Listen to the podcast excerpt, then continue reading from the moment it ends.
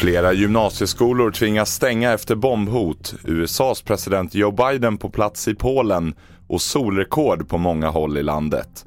Det är rubrikerna i TV4-nyheterna. Flera gymnasieskolor i Halmstad har tvingats stänga idag på grund av bombhot. Det började med att Sturegymnasiet evakuerades under förmiddagen då hot riktats mot skolan via en tidning. Sen vid lunchtid inkom bombhot även mot Kattegattgymnasiet den här gången direkt riktat mot skolan som också tvingades stänga.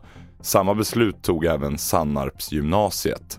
Fredrik Svedemyr är presstalesperson hos polisen i Region Väst. Nej, vi tar ju naturligtvis den här typen av hot på allvar och det är därför vi också åker ut till plats och gör en bedömning och jobbar med informationsinhämtning för att kunna, kunna eh, dels bedöma hotets allvar men eh, också skapa förutsättningar för att utreda detta framåt, vilket vi nu kommer göra då givetvis.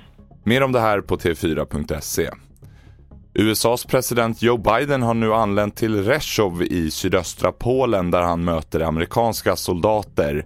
Staden ligger en timmes bilresa från den ukrainska gränsen och syftet med besöket är att visa sitt stöd till Polen.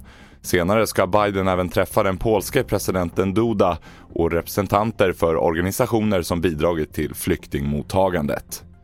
Vidare till något helt annat, för solrekord har slagits på flera håll i landet. Bland annat har Visby, Växjö och Karlskrona slagit rekord i antalet soltimmar i mars. Men än är månaden inte slut och det finns fortfarande möjlighet att fler städer slår nytt solrekord.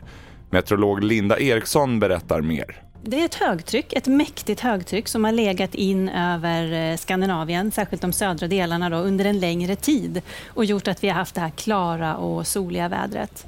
Eh, och det märker man också om man jämför med soltimmarna i landets norra delar. Eh, att där har det varit lite ostadigare, mera moln och där är man ganska långt ifrån eh, rekordnoteringar vad det gäller soltimmar. Och det får avsluta TV4-nyheterna. Jag heter William Grönlund.